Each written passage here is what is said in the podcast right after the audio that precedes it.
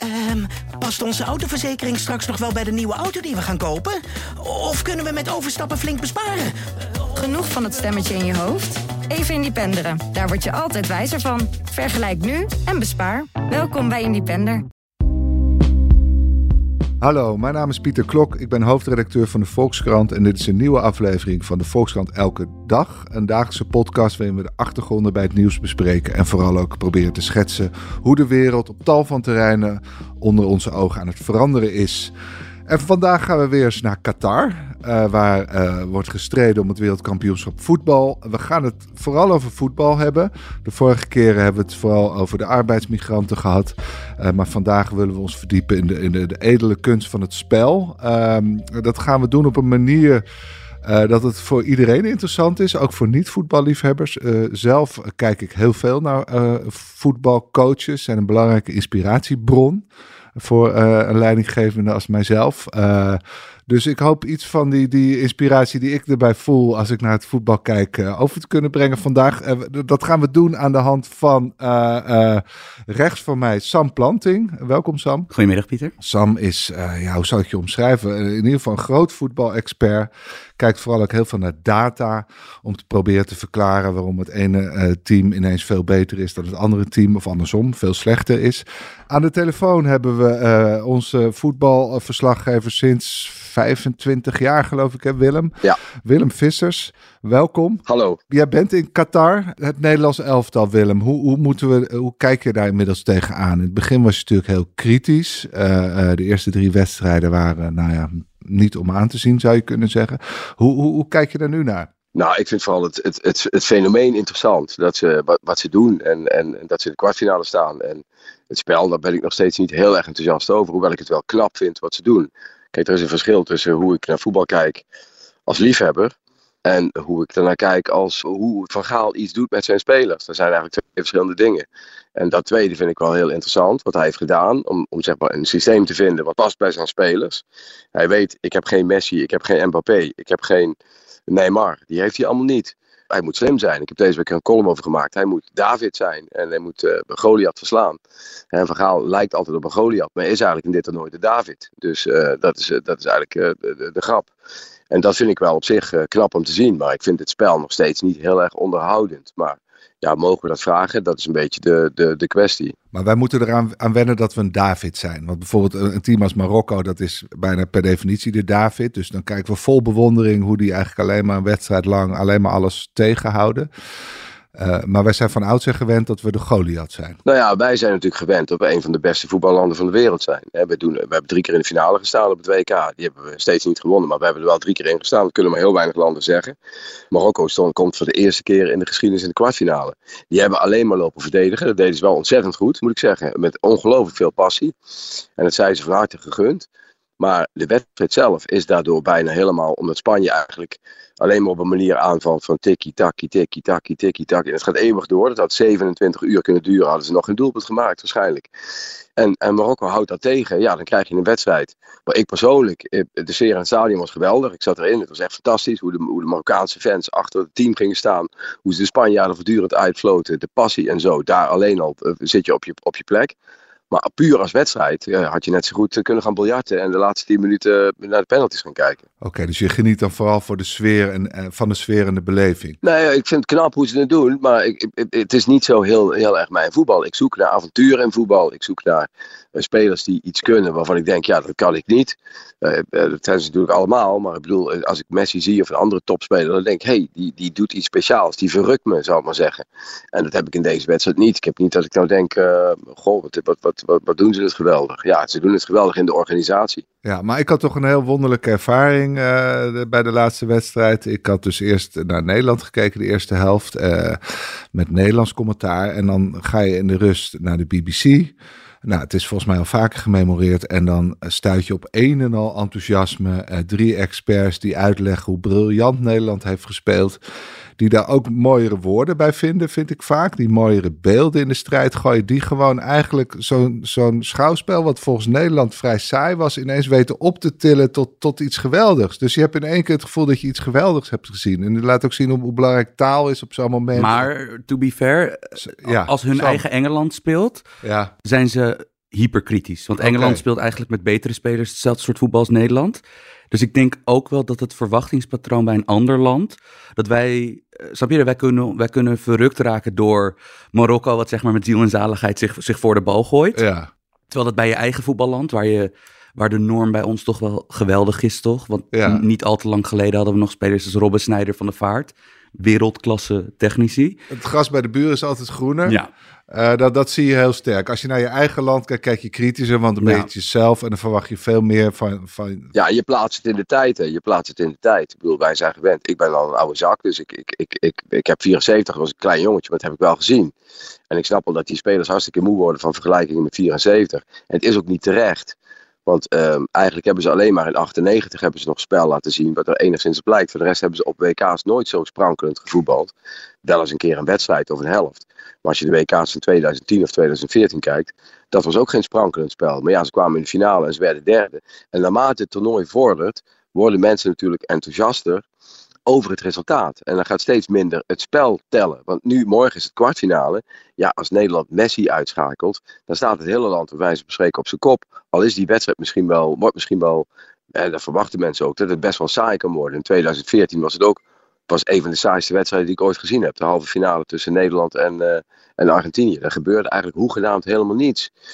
Maar ja, uiteindelijk moet er wel een winnaar komen. Ja, maar toch nog even naar die BBC. Want wat zij heel knap vonden is dat je een wedstrijd doodspeelt. Hè, wat, wat ze in de eerste helft tegen de VS eh, vrij effectief deden. Eh, ze haalden gewoon alle energie uit de, de Amerikaanse aanval. Een beetje als, ik, ik, vergeleek het een beetje met een leeuw. Die eerst de hele wedstrijd gewoon al helemaal, helemaal tot, tot stilstand brengen. En dan met, met, met, het is toch het mooiste goal eh, sinds 1974, eh, Willem, die we hebben gezien. en Waar Nederland mee scoorde. Nou, dat, weet ik niet. Ik heb wel een paar andere mooie gezien nog. Maar eh, het was een schitterende goal. En het, was ook, het waren alle drie schitterende goals. En er is ook bu- buitengewoon eh, knap gespeeld. Alleen, kijk, Amerika is geen voetballand. Is een voetballand in ontwikkeling. En nu gaan wij als, als, als een van de gidslanden van de wereld... gaan wij dus eigenlijk de Amerikanen laten bepalen wat er min of meer eh, gebeurt. Die nemen het initiatief. En dat is gewoon even wennen. Ik bedoel, en ik zeg ook tegen Van Gaal... als allebei de ploegen nou gewoon alleen maar gaan staan wachten op elkaar. Dan gebeurt er dus niets in wedstrijden. En dat is het enige waar je kritisch op kunt zijn. En volgens mij ook moet zijn. Dat voetbal is ook gewoon een, een spel nog van avontuur. Het is een volksport. Er komen 80.000 mensen kijken. Ook anonieme mensen. En die willen gewoon vermaak zien. En die willen niet eh, twee ploegen die alleen maar lopen te schaken. Want dan zien ze niks. Maar de enige ploeg die met deze bevlogenheid voetbalde was Duitsland in de groepsfase. En die krijgen nu enorm, terwijl ik dat niet helemaal terecht vind, het naïviteitsverwijt om de oren. eh, nu zij vroegtijdig eh, weer in München en Berlijn geland zijn. Ja, ik vind het ook niet terecht. Want zij hadden natuurlijk gewoon eh, tegen Japan bij Rusland met 4 moeten voorstaan. Dan had niemand meer eh, erover gesproken. Maar omdat dat niet zo was, hadden voor rust echt zoveel kansen. En ze in het laatste kwartier die wedstrijd op on- onbegrijpelijke manier verliezen. eh, wordt er meteen alles bijgehaald. Dan is dat hand, mond opeens weer van invloed geweest. En gaat het daar alleen maar over. Dus het is ook allemaal een heel dun lijntje waar het natuurlijk steeds over gaat. Ik bedoel, als Pulisic die eerste bal, als die niet gestopt wordt door Noppert, nou, die, nou omdat Blind eh, eventjes niet oplet, dan komen de Amerikanen 1-0 voor, loopt het misschien heel anders. Dus je weet, je weet dat gewoon niet. Maar ik vind het niet zo avontuurlijk, het voetbal, maar het is wel knap in elkaar gezet. Het is een knap bouwwerk van Van Gaal, maar het is niet zo dat ik denk van, als het in een museum stond, zou ik er bij spreken snel langslopen. Maar Sam, Duitsland was eigenlijk het beste, het mooiste team. Kijk, qua, het ligt aan hoe je voetbal ziet. Als je voetbal als momenten ziet, Ja, Simpelweg van momenten van geniale bevlieging, dan, dan moet je bij Frankrijk of Brazilië zijn. Terwijl als je bijvoorbeeld nu de vier wedstrijden van Brazilië integraal zou terugkijken, denk je ook, hmm, zit ook tussen die 360 minuten, zit 330 minuten heel saaie ruis zit ertussen. Ja. Maar dat zijn in elk geval de landen waar je dan moet zijn inderdaad voor, voor, voor individuele superioriteit. Natuurlijk, we krijgen zo meteen Messi. Ik vond eigenlijk vooral dit WK eh, de underdogs echt meevallen. Want het Ja. kan ook, eh, bijvoorbeeld op het afgelopen EK zagen we eigenlijk alle slechte landen gewoon van ja, prima, we gaan met z'n elf op onze eigen helft staan. Bekijk het allemaal maar, we doen niet meer mee. En ik vond, dat, ik vond dat dit WK eigenlijk tot dusver meevallen. Al zie je dus wel dat het enige kleine voetballand wat de laatste acht heeft gehaald, Marokko, dat die absoluut niet dat van plan waren. Nee. Die waren zo van nee, wij, wij zien een route voor ons. ja. En we doen het op deze manier. Terwijl we hebben allemaal geweldige straatvoetballers. We hebben allemaal geweldige creatievelingen. Maar ik vind dat eigenlijk tot nu toe dit WK... Voor het leuke voetbal moet je eigenlijk bij de kleinere landen zijn... die, die, die ja. dan ook nog Maar om je redenering af te maken, je kan kijken naar momenten. Maar als je naar een hele wedstrijd kijkt, was Duitsland het aantrekkelijkst. Ja, jazeker. Goed. Jongens, we gaan er zo over voetbal praten dat het voor iedereen interessant is, heb ik al eerder beloofd. Dus ik wil het met jullie hebben hoe je tot succes komt en wat daar de, de doorslaggevende factoren bij zijn. Willem, jij legt al uit net dat, dat, dat het knappe van Van Gaal is dat hij eigenlijk zijn tactiek helemaal heeft afgesteld op zijn spelersmateriaal. Is het dan niet dezelfde tactiek als in 2014? Of, of zitten er toch verschillen in toen hij ook bondscoach was? Nou, het is, het is, het is in principe nagenoeg dezelfde tactiek. Hij speelt, uh, uh, kijk, hij zegt gewoon, hij speelt 5-3-2 en hij zegt het zelf nu, noemt hij het 3-4-3, maar het is eigenlijk gewoon min of meer hetzelfde. Hoewel je best wel kunt zeggen dat het 3-4-3 is, omdat Dumfries en Blind natuurlijk eigenlijk geen echte verdedigers meer zijn, maar ook heel veel mee ten aanval trekken. Hij heeft alleen nu betere verdedigers om het simpel uit te werken. Nu heeft hij betere verdedigers dan toen, want toen had hij de Vrij en hij had uh, Martens India. Het waren allemaal jongens die nog in de eredivisie speelden. Die net kwamen kijken. Nu heeft hij Virgil van Dijk. En hij heeft uh, Matthijs Ligt. Die kan zelfs op de bank zetten. Hij heeft Nathan Ake. Die allemaal bij grote clubs spelen. Timber. Die een van de grootste verdedigende talenten van, uh, van, de, van de wereld is. En hij heeft voorin heeft hij minder dan toen. Want daar had hij toen Van Persie, Snijder en Robben. En nu heeft hij de paai die net weer fit is. Maar die wel zo belangrijk kan zijn in dit systeem. En daarom heeft hij ook op hem gewacht. Want Depay is een speler die met één actie een hele wedstrijd overhoop kan spelen. En dat is cruciaal. Je hebt creativiteit nodig, hoe je je elftal ook inricht. Je hebt wel één of twee of drie. Verhaal zich altijd, eigenlijk heb ik vier creatieve mensen nodig om echt succes te kunnen hebben. Nou, dat is in zijn geval is dat Depay. Blind en Dumfries vindt hij samen één creatieve speler. Dan heeft hij Frenkie de Jong. Dan zou hij er eigenlijk nog eentje moeten hebben. Ja, dat kan dan bij wijze van spreken Gakpo zijn. Dus het zijn er dan vier. Dan zit je in feite goed. Maar het belangrijkste verschil tussen 2014 en nu, dus dat de nadruk nog meer op de verdediging ligt, omdat we gewoon veel betere verdedigers hebben. Ja, en, en, en je kunt op die verdediging kun je in feite kun je heel erg leunen. Want ja, letterlijk kun je daarop leunen. Want uh, ja, probeer die jongens maar eens te passeren. Als jij gewoon een beetje naar terug blijft. Van Dijk staat achter die twee anderen. Nou ja, er is hartstikke veel. Dan heb je de Ronald die op het middenveld ook nog wat, wat corrigeert.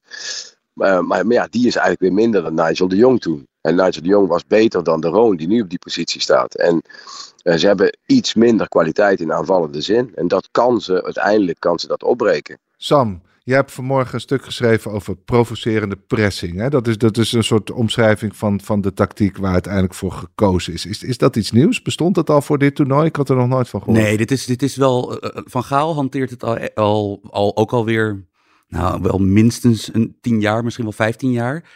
Het is in wezen overgekomen uit uh, Duitsland uh, mm. uit de jaren negentig. Toen eigenlijk Duitsland negatiever voetbalde dan het Duitsland van de 21ste eeuw. Maar het komt eigenlijk in wezen op neer dat je het omgekeerde doet wat we in Nederland normaal doen. Want eigenlijk alle goede teams die we in Nederland hebben. Ik denk dat het laatste echt goede team wat we hebben gehad was natuurlijk het Ajax van Ten Hag, wat zover kwam in de Champions League. Zette heel veel druk naar voren. Dus eigenlijk als de tegenstander van bij hun eigen goal begint met voetballen, mm -hmm. zitten er eigenlijk meteen spelers op. En het ja. doel is dan altijd ze naar de zijlijn krijgen. Ja. Want bij een zijlijn heb je een half veld in plaats van een heel veld. Dus heb je in plaats van zes spelers waar je hypothetisch naartoe kan passen, heb je er nog maar twee. Ja. Van Gaal doet het eigenlijk andersom nu. Hij zegt eigenlijk, weet je wat, die, die hele helft, jullie eigen helft, die is voor jullie. Ja. Wij nemen de opties elders weg. Wij nodigen jullie uit om te komen. Ja. Stuur die paas maar door het midden, die je eigenlijk dus normaal gesproken vooruit druk zou zetten. Moet je meteen naar de buitenkant. Maar nu zegt van laat die eerste paas maar komen en dan gaan wij als een soort cobra of inderdaad als een soort leeuw klappen we erop. Maar dat je dus in wezen zegt van nou, jullie mogen de bal hebben, maar wij dicteren waar die bal uiteindelijk naartoe gaat. En daar uh, uh, creëren wij ons numeriek overtal, ons voordeel. En Amerika uh, was echt als een, ja, als een, muisje uh, die in de slangenkooi werd gegooid. Was echt, uh, die trapte er echt met open ogen in. Ik denk dat tegen Argentinië dat we een soort gelijk wedstrijdplan zullen zien. Iets anders. Maar ja. ik denk wel dat dat wel de, in, in, in broad strokes de bedoeling is van wat er vrijdag moet gaan gebeuren. Ja, maar wij, wij, ik las een stuk op de The Athletic. En daar zeiden ze Nederlands eigenlijk toch de uitblinker op tactisch gebied tot nu toe. Uh, vind je dat ook? Of um, is dit gewoon uh, uit het basishandboek uh, voetbaltrainen? Nee, het, het, het, ligt er wel aan. Maar kijk, kijk, tactiek is sowieso echt veel simpeler op eindtoernooien dan bij club, club. Want bijvoorbeeld bij een Liverpool of een Manchester City hebben de beste trainers op aarde met de allerduurste spelers hebben een, een heel seizoen de tijd om die tactiek te perfectioneren en om aanpassingen te doen, om het variabel te maken. Bij landenvoetbal is je trainingstijd heel beperkt. Dat mm -hmm. is je schaarse middel. Dus heel vaak vervallen teams tot eigenlijk de meest huistuin- en keukenachtige technieken. Dat is Ja. ofwel, nou, we doen hetzelfde wat jullie bij je clubs doet, of wat we nog eens vaker zien, we doen een beetje laffig. Van we, we, we kijken de kat uit de boom, hopen dat de andere partij dat ook niet doet, want anders wordt het wel echt saai. Wat Nederlands anders maakt dan de meeste teams op dit toernooi, er zijn er wel een paar andere die ik ook competent vind, is dat ze Van Gaal neemt echt daadwerkelijk actief de beste, de, de beste wapens van een tegenstander weg. Maar je zag dus wel dat je daar wel twee danspartners voor nodig hebt. Want in die tegen Ecuador, Senegal en Qatar zag je dat je tegen een ploeg speelt die zelf niet heel erg veel zin heeft om al te veel risico en initiatief te Ja. nemen. Tegen een Amerika, wat, wat, wat dus, ik denk, eh, gesterkt was door het idee dat zij misschien in, op individueel vlak minstens evenveel talent hadden. En dus initiatiefrijk gingen voetballen. Ja, dan, dan zie je opeens dat, dan is een enorm tactisch voordeel voor de Oranje. Dat, dat omdat Ja. Van Gaal natuurlijk er wel Dan werkt dat goed, die, die tactiek. Maar, maar wat, wat doet Van Gaal nu extra op, op die, die al heel lang bestaande tactiek van professionele pressing? Dat hij, dat hij zich bewust richt op de beste speler bij de tegenstander? Nou ja, dat, het is, dat was in het WK 2014 ook zo. Van hij is gewoon, het wedstrijdplan is elke keer wel echt heel erg te rechtvaardigen. Ja. Dat hij had inderdaad gezien van, nou ja, bij Amerika, centrumverdedigers, die worden wel zenuwachtig aan de bal als ze te lang daarbij moeten zijn. Ja. Dat was bijvoorbeeld zijn zwaktepunt dat hij hier had geïdentificeerd. Ik denk dat bij Argentinië zal hij vooral mikken op het moment van omschakelen. Dat Argentinië een keer de bal kwijt moet en weer moet gaan verdedigen. Achterin staan niet per se de meest bewegelijke mannen bij Argentinië meer. Dat zijn allemaal toch wel wat oudere voetballers. Ik neem aan dat dat een van de dingen zal zijn. Eh, de toevoer naar Messi is, is een, denk ik, het, het, het, hoofd, het hoofdplan. du- dus los van die tactiek heb je nog een soort kleine individuele doelen van, die je ook moet en daar is Van. Gaal buitengewoon goed in. Oké, want wat, is dan, wat- wat zijn dan de belangrijkste spelers als je er op die manier naar kijkt? Dus de belangrijkste extra's ten opzichte van die tactiek? Bij Nederland? Ja, Bij Nederland in elk geval, eh, kijk, eh, in, aan de bal, die, die vier creatievelingen, die, die, of de, laten we zeggen, drie en twee halve creatievelingen die, die Willem noemt, zijn natuurlijk voor als wij iets van voetbal willen zien de belangrijkste. Uit tactisch oogpunt zijn juist de voetballers die vrij bekritiseerd worden doordat ze saai zijn, eh, die staan er wel met een reden in. Dat Davy Klaassen, Martin de Roon. Dat, dat zijn inderdaad de, de, de, spelers die een vrij belangrijke tactische taak zullen hebben in het ontregelen van Argentinië. Uh, Willem, welke speler vind jij eh, het meest meevallen? Nou ja, in eerste instantie natuurlijk Noppert. Ja, die had toch niemand verwacht dat hij eigenlijk eh, in de basis zou spelen. En dat, kijk, dat is wel het mooie van Van Gaal. Kijk, Van Gaal is wel een coach die zich telkens vernieuwt. Ik heb hem gisteren ook daarmee geconfronteerd. Kijk, vroeger was Louis van Gaal altijd de coach die zei in de afloop... als ik het niet gewonnen hadden, zeiden ze... ja, maar we hadden 70% balbezit. En dan zeiden wij tegen hem... ja, maar 70% balbezit telt niet. Je hebt 2-1 verloren. Dat telt. Nou, en nu is hij eigenlijk interesseert balbezit hem eigenlijk helemaal niet meer. Wat Sam net uitgelegd heeft, interesseert hem eigenlijk niet meer. Al heeft Nederland nog maar 30% balbezit. Ze hoeven zelfs de bal helemaal niet meer. En dat stuit een beetje tegen mijn borst. Eh, Je gaat op voetbal als kind omdat je de bal wil hebben. Dat is jouw eerste reflex om, als je op voetbal gaat. Je wil graag aan de bal zijn. Heel veel teams tegenwoordig, die willen de bal niet meer. Die gaan wachten tot de tegenstander in balbezit een fout maakt. En dan gaat het alleen nog maar om die omschakeling. En ik zei tegen Van Gaal gisteren ook, als nou twee ploegen daarop gaan zitten wachten op die omschakeling, krijg je toch een leuke wedstrijd. Ja, zei dan gaat het om de snelheid van die omschakeling. Ja, dan krijg je inderdaad. En zoals die eerste goal van Nederland, geweldige goal, kan zo in de top 10 van, van goals van dit jaar. Maar dat is dan wel een redelijk spaarzaam moment in zo'n wedstrijd, waar je heel erg opgewonden van raakt. Ja, goed, en als we daar als consumenten van voetbal tevreden mee zijn, dat er niet zo gek veel gebeurt, maar er gebeurt een paar keer wel wat. En dat vinden we heel erg mooi. Dan is dat misschien genoeg. Maar er kan ook een moment komen dat mensen denken: ja, eigenlijk is dat voetbal maar een hele saaie sport. Iedereen staat maar een beetje te wachten op zijn eigen helft. Het blijft heel vaak 0-0. Dan zijn we die spannende penalties. Ik bedoel, mijn zoon die, eh, die, eh, die riep, eh, mijn vrouw, die was ergens anders iets aan het doen. Van nu moet je komen kijken, want er komen penalties. Het wordt spectaculair. Ja, dan komt iemand even bij de penalties kijken, want dat wordt waarschijnlijk wel spectaculair. Ja, als dat de toekomst van voetbal is, ben ik er ook wel van één kant ook wel negatief over. Dan, vind ik, dan hoop ik dat er ploegen blijven die avontuur durven zoeken. Maar nogmaals, het is heel erg knap dat Van Gaal zichzelf eigenlijk opnieuw heeft uitgevonden. En dat zouden veel meer mensen in het eh, leven misschien moeten doen. Dat hij gedacht heeft, nou ik ben bij mijn laatste klus aangekomen. Nu telt alleen nog maar iets wat Nederland nog nooit heeft beleefd. En dat is die wereldtitel winnen. Die we allemaal toch wel als Nederlander graag een keer willen. We hebben er misschien ook wel een beetje recht op. We hebben het voetbal veel gegeven. Je wordt bijna een beetje fel nu. Je vindt dat Nederland gewoon recht heeft op de wereldtitel inmiddels. Nou, recht, recht heb je nergens op in de sport. Maar kijk, Nederland is natuurlijk wel een van de landen. Als je gewoon overal komt, dan beginnen ze altijd over Nederland. Hè. Nederland met mooie voetballers, over Cruijff, over Van Basten, en over Zeedorf. En over, we kunnen er honderd noemen die allemaal heel erg veel plezier hebben geschonken aan de, aan de wereld. En daarom vind ik dat ook belangrijk. Want er zijn heel veel mensen die hebben geen land. Als je hier in, uh, uit Bangladesh komt of zo, dan heb je in principe geen voetballand waar je voor bent. Want van Bangladesh kan er niet zoveel van. Dus als mensen uit Bangladesh nou denken, hey, die ploeg speelt nou leuk voetbal. Daar ga ik me, daar ga ik me achter scharen. En heel vaak zijn dat toch Argentinië, Brazilië, de grote landen. Ik weet niet uh, wat de identiteit van het Slovaakse voetbal of zo is. Dat weet ik niet zo erg. Maar je weet wel identiteit van Brazilië, Argentinië, Italië, Engeland en Nederland. Dat zijn en Duitsland misschien. Maar Van Gaal heeft wel gedurfd in de zin dat hij heeft gezegd: Oké, okay, Noppert is mijn beste keeper. Nou, niemand had dat gedacht, dat durft Van Gaal niet. Hij gaat er niet een keeper opstellen. Gisteren ook buitenlandse journalisten die dan zeggen: Heeft die man dan echt nog nooit een oefeninterland of zo gespeeld? Nee, hij heeft nog nooit een Europese wedstrijd gespeeld. Hij heeft nog nooit een oefeninterland gespeeld. Hij heeft nog nooit bij een topclub gespeeld. Hij is toch al 28 jaar, heeft het allemaal nooit gedaan. En hij staat hier gewoon op het WK aan het doel. En dat is toch wel een gewaagde ingreep geweest van Van Gaal. We gaan het over psychologie hebben, eh, mensen, met jullie uh, goed vinden. Want dat is misschien, uh, ja, dat is ook voor iedereen toepasbaar. Willem, jij schreef vandaag een mooi verhaal over de trans transformatie van Van Gaal. Die vergelijk je met de eerdere transformatie van Michels. Dat waren eigenlijk allebei coaches die in het begin van hun carrière vrij streng waren. Vrij dominant. En die eh, later eh, wat meer het plezier centraal uh, zetten, de saamhorigheid. Hè. En Michels, die was natuurlijk coach van Ajax begin jaren 70. En toen hij in 1988 het Nederlandse elftal ging coachen, lag de nadruk op plezier. En Nederland werd van de weeromstuit meteen kampioen. Nou, Van Gaal was in 2002 ook nog vrij streng kwalificeerde zich niet eens voor het WK. Dat was toch de grote blamage uit zijn carrière. Toen was hij nog heel streng. De spelers wilden niet meer naar hem luisteren. En nu legt hij ook de nadruk op plezier en, en verbinding. En dat leidde in 2014 al tot een uh, derde plek natuurlijk. En, en nu, nou ja, we moeten het afwachten. Is dat inderdaad effectiever bij voetbal van landenteams? Gewoon de, de, de nadruk leggen op de goede sfeer, de beleving. Uh, dan dat je heel streng probeert een bepaald tactisch plan te handhaven? Nou, ik denk niet alleen bij uh, landenteams, maar ik denk ook wel bij clubteams. En ik denk ook wel gewoon op, op werkvloeren. Er is de laatste veel over geschreven, ook bij, in onze krant. Dat het gewoon heel erg belangrijk is dat er teamgeest is. En dat die teamgeest op een natuurlijke manier uh, wordt gekweekt. En niet door een of andere dictator die alles staat, uh, staat uit te leggen. Maar Vergaal is natuurlijk altijd een beetje uitgemaakt voor een dictator, maar dat is hij eigenlijk helemaal niet. Het is juist iemand die van inspraak houdt, die van gesprekken houdt.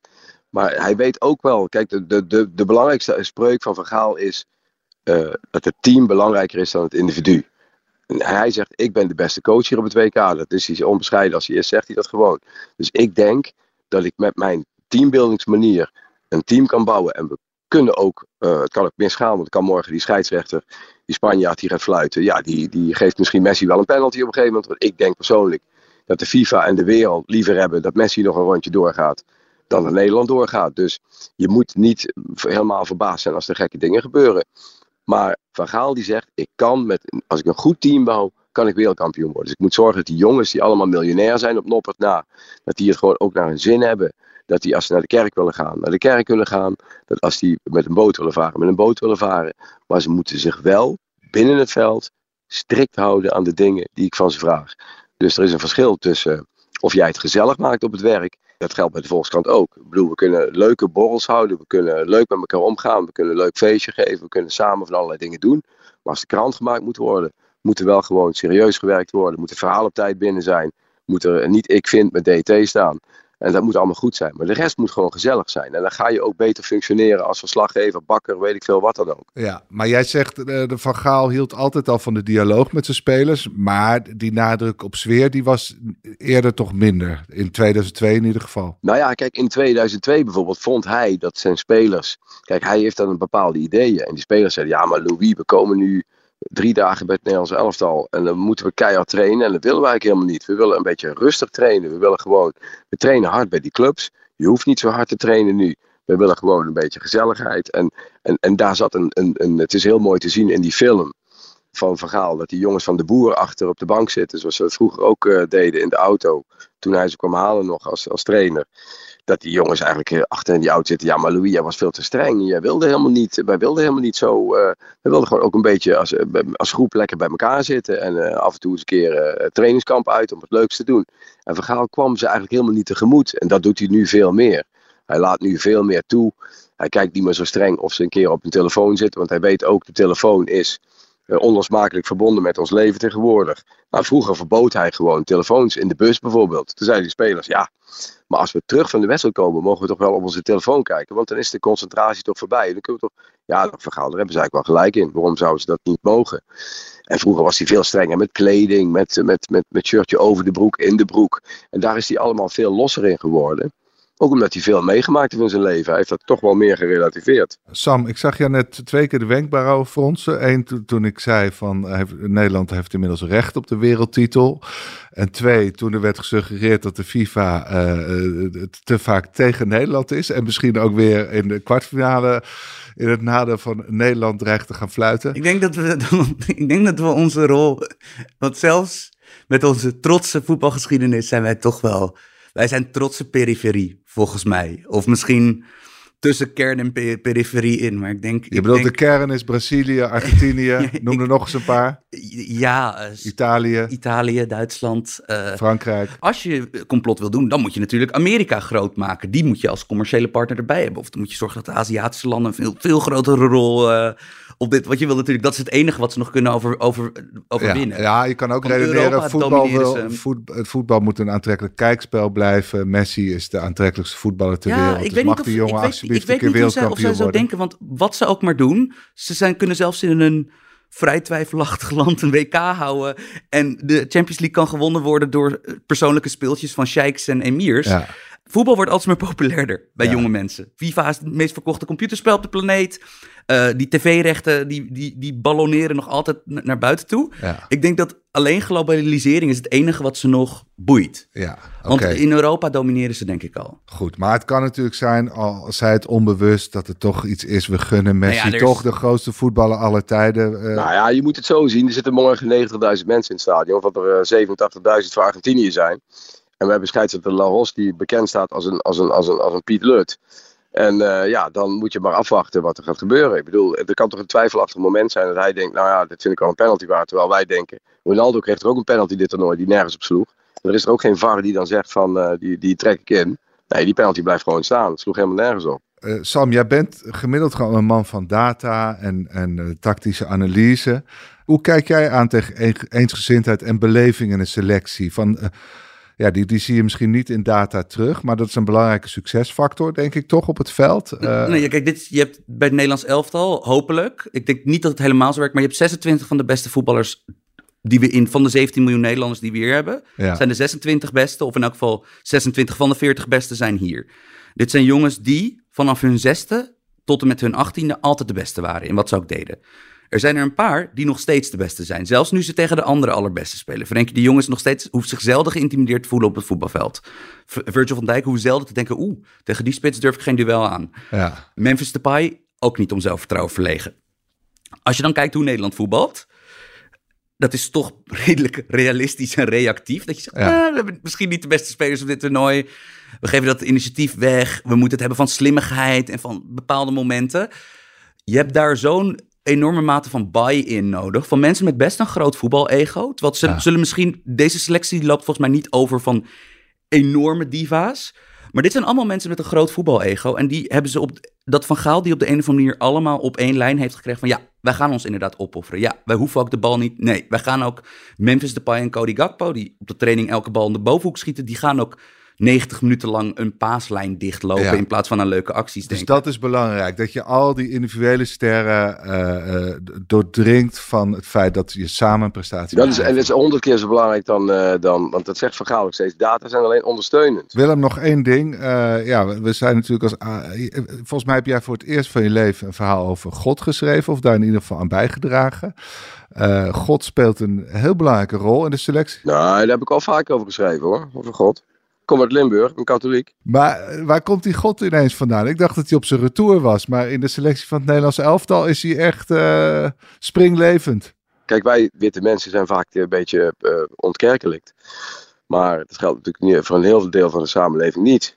Ik bedoel, uh, heel veel moslims gaan naar de moskee. En heel veel donkere jongens hier gaan regelmatig naar de kerk. En er zijn nu een paar voortrekkers die dat. Kijk, Jurien Timber bijvoorbeeld, die schrijft voor elke wedstrijd die hij uh, met, met Ajax speelt, schrijft hij een vers uit de Bijbel op Twitter. Ik heb daar ook eens één of twee keer een stukje over gemaakt. Dat ik gewoon dacht, eens even kijken wat hij deze keer weer op Twitter zet. En dan ga ik eens even kijken.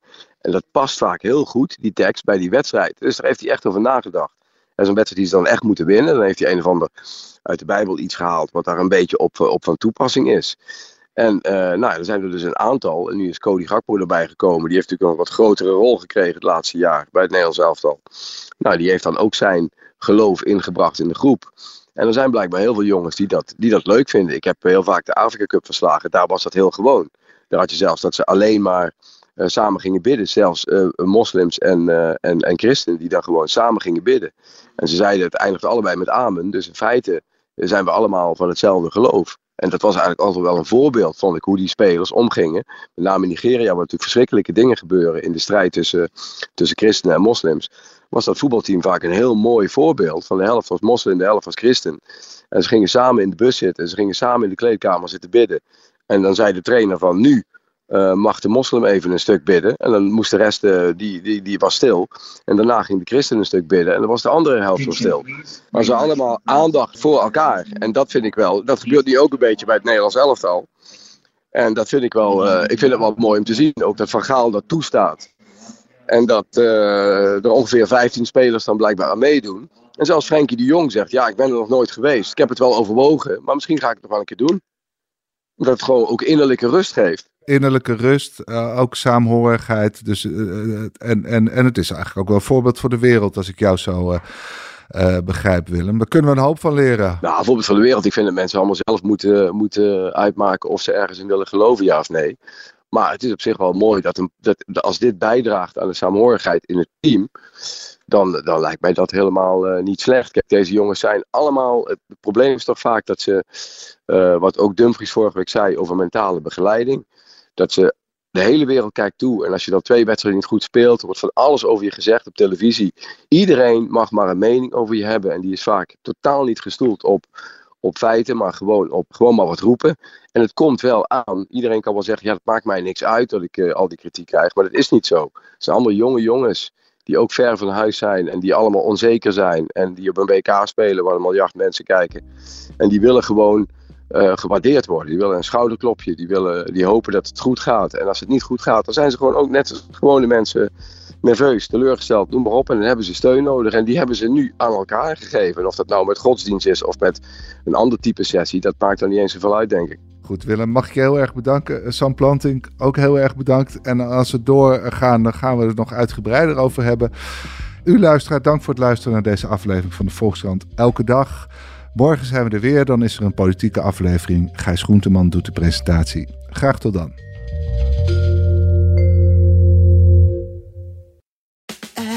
Past onze autoverzekering straks nog wel bij de nieuwe auto die we gaan kopen? Of kunnen we met overstappen flink besparen? Genoeg van het stemmetje in je hoofd? Even Independeren. Daar word je altijd wijzer van. Vergelijk nu en bespaar. Welkom bij Independer.